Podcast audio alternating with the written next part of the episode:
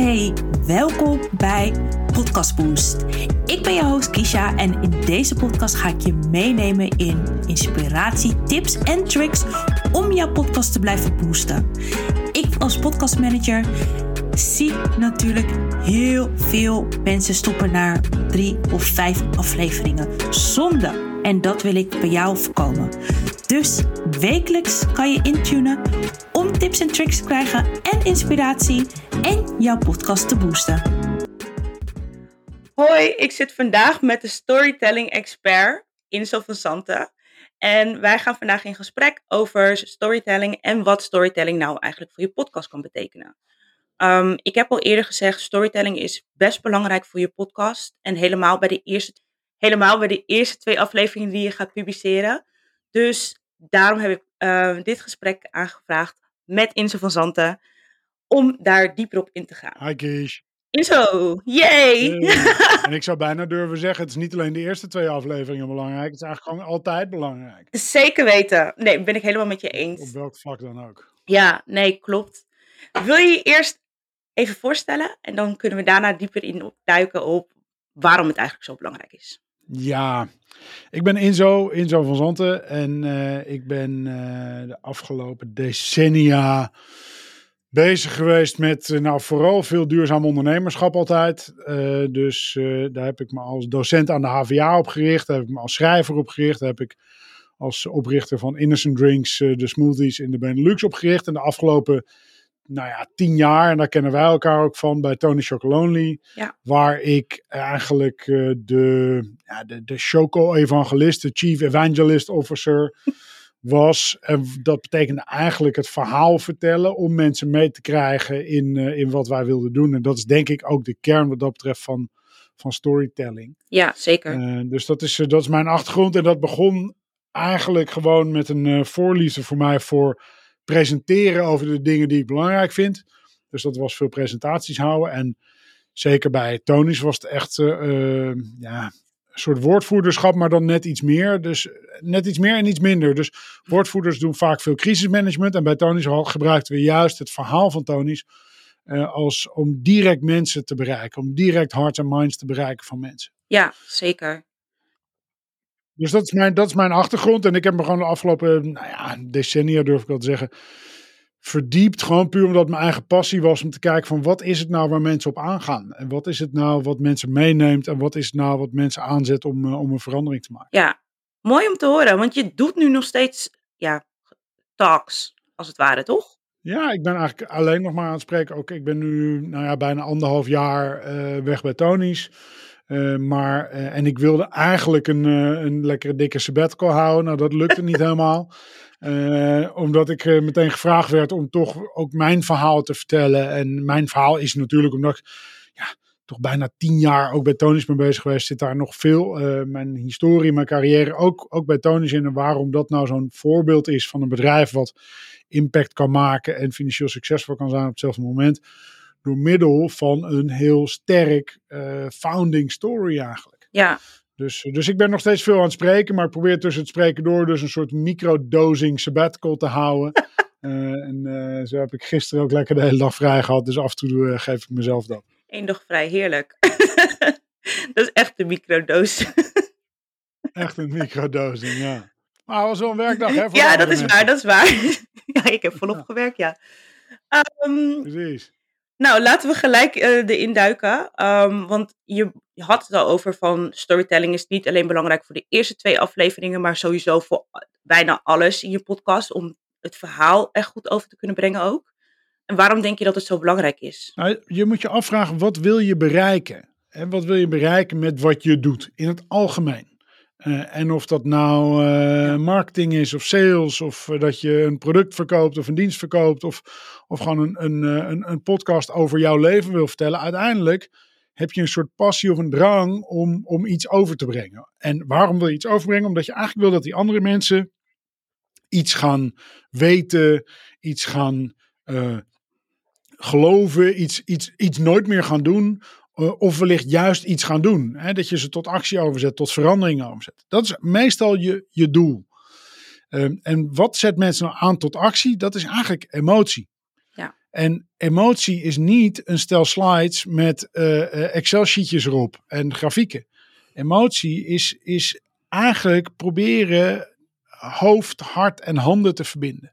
En dat is wat verhalen, dat is wat storytelling. Ik vind, weet je, ik vind de term storytelling is natuurlijk een beetje een overgehypte term geworden. De afgelopen tien jaar gaat alles over storytelling, storytelling en, en, en elke influencer storytelling.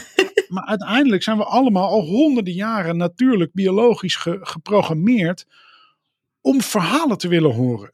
Ja. We zitten al honderden jaren met onze voetjes rond de mangoboom op het dorpsplein verhalen van de elderly, elderlings aan te horen. Hè, de elderlings aan te horen. De, de, en en op die manier geven we verhalen door aan elkaar. Op die manier geven we emotie door elkaar. Dus verhalen wat die doen is eigenlijk het verbinden van kennis, je hoofd, van informatie, van data, die super nuttig is in, in het vertellen van je verhaal. Hè? Want je moet een geloofwaardigheid hebben in je verhaal. Ja. En, en emotie, je hart. Hè? Wat, wat voel ik daar nou bij? Uh, uh, waarom doet mij dit wat? Waarom raakt mij dit? En vervolgens de laatste stap, en die vind ik zelf ook nog heel belangrijk, die vaak vergeten wordt, is dan die call to action. De handen. Wat kan ik dan de volgende dag gaan doen hiermee? Wat is dan de, de verandering die ik, die ik nu, nadat ik dit verhaal heb gehoord, voor mezelf wil doorvoelen? Dus dat, dat is volgens mij de, de kracht van storytelling vergeleken met keiharde, kale, saaie powerpoints bij wijze van spreken. Ja. En, en mensen maken er vaak heel veel meer van dan dat het is. Maar uiteindelijk, als ik Weet je, als mensen gevraagd wordt om een verhaal te vertellen, meestal door hun baas bijvoorbeeld. Ja. Uh, dan, dan rammen ze een knettersaaie PowerPoint in elkaar en gaan ze voor een zaal staan, super zenuwachtig. Uh, en willen ze eigenlijk zo snel mogelijk daar weg zijn. Als ik diezelfde persoon zou vragen aan de bar met een colaatje in de hand. Van goh, hoe was nou je laatste vakantie? En diegene zegt nou dat was zo fantastisch. En ik vraag waarom was dat dan zo'n fantastische trip? Dan kan iemand leeglopen als geen ander. En dat is precies eigenlijk wat je ook die avond daarvoor, als het gaat over je PowerPoint, als het gaat over je verhaal, zou moeten doen. Ja, dat is nou echt dat verhaal wat je wil vertellen. Dus iedereen kan verhalen vertellen. Iedereen kan storytellen. Eh, als je ze eenmaal aanzet via een hele simpele weg. Hè, nou, eh, vertel eens iets leuks over je kinderen. Nou, dan hebben mensen zitten vol met leuke verhalen. Ja. Dat kan ook gewoon, dat kan ook gewoon in je business. Ja, want hoe zou je dat dan toepassen? Want kijk, wat jij net een voorbeeld gaf over uh, iemand die iets moet vertellen voor zakelijke doeleinden. Of iemand die, die jij een vraag stelt over de vakantie. Ik, ik snap namelijk, want ik ben zo'n persoon die dan mega zenuwachtig daar staat en zo snel mogelijk wil wegrennen.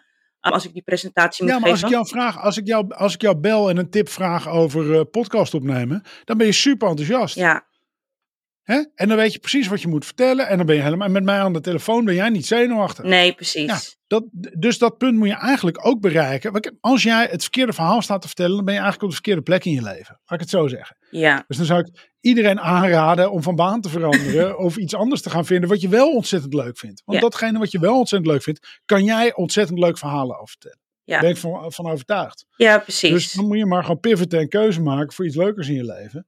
Ehm, of vind in datgene, hè, want die, er zal ook een reden zijn dat die baas jou gevraagd heeft om dat verhaal te vertellen. Er zal een reden zijn waarom je, hè, in geval van jouw klanten, een podcast zal beginnen. Ja, ja, dat is omdat je daar over dat ene het heel leuk vindt om over te hebben. Ja. Eh, nou, en, en dan ben je er al, dan heb je je sweet spot al gevonden. Maar ga dan op dat moment, als jij dus een podcast aan het opnemen bent, niet opeens dichtslaan en proberen iets heel anders te vertellen of zakelijk te worden. Nee, vertel dan vanuit je hart wat jij daar zo interessant aan vindt. Probeer die fun te vinden die je in iets hebt. Ja, En als je die fun overbrengt, dan ben je vanzelf authentiek. Probeer, die, probeer rust te vinden, probeer lol te vinden, probeer plezier te hebben erin. En als je dan gaat nadenken, oké, hoe kan ik hier nou van dit, ditgene wat ik wil overbrengen, een verhaal maken door een, een hoek aan het begin te hangen. Hè? Dus, dus iemand Ja. binnen te haken, eh, door retorische vragen te stellen, door hele interessante anekdotes te vinden. Want dat werkt meestal het allerbeste. Hè? ja, Als je gewoon vertelt van, nou ja, ik stond gisteren hier en daar en er kwam iemand tegen en die vertelde me dit. En, toen kwam, en, en als je daarmee via die anekdote jouw boodschap probeert over te brengen over waarom jouw product nou zo fantastisch is, dat zijn de slimmere wegen. ja, precies.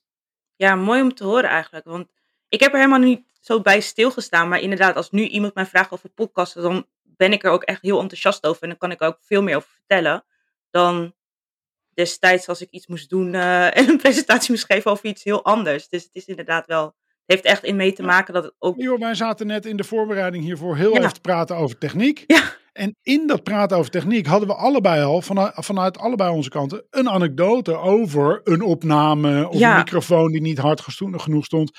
En als je dan bedenkt over, oké, waarom was het uh, in mijn geval irritant dat die, die podcast niet goed was opgenomen. Nou, omdat ik in de auto het, hun verhaal heel graag wilde horen. Ja. Maar de hele tijd mijn volume op en neer zat te duwen met mijn duim. ja. ja. Als ik dat vertel in plaats van een gorddroog vertel, verhaal over op welk level volumeknoppen moeten staan. ja, dan snapt iemand ook die daarnaar luistert weer veel beter. Ah, oké, ja, nee, dat, dat voel ik. Ja. Dat had ik zelf ook in de auto. Inderdaad, ja, nee, dat is echt zo begrijpelijk. Want het is ook herkenning natuurlijk die je creëert door het verhaal. Ja. Precies, ja. precies.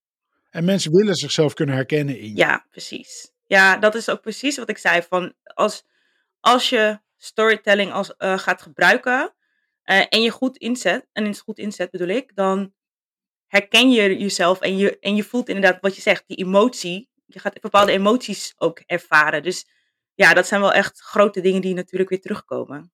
Ja. Exact. exact. Ja. Thanks uh, voor dit korte gesprek. Maar echt heel waardevol. En uh, ik denk ook wel dat de luisteraars ook wel een beter idee hebben van waarom ze storytelling moeten gebruiken en waar, wat eigenlijk de waarde ervan gaat zijn. Geen probleem. Leuk, altijd leuk om je te spreken. Precies. Verbinden van je hoofd, je hart en je handen. Dat is het. Ik hoop natuurlijk dat je weer hebt genoten van deze aflevering. En dat je je podcast een boost weer gaat geven. Mocht dat zo zijn en denk je, ik heb hulp nodig Ga dan naar mijn website om te kijken hoe ik jou zou kunnen helpen. En dit hoeft natuurlijk niet alleen maar door met me te werken. Je zou ook mijn cursus kunnen kopen. Heel veel succes met je podcast!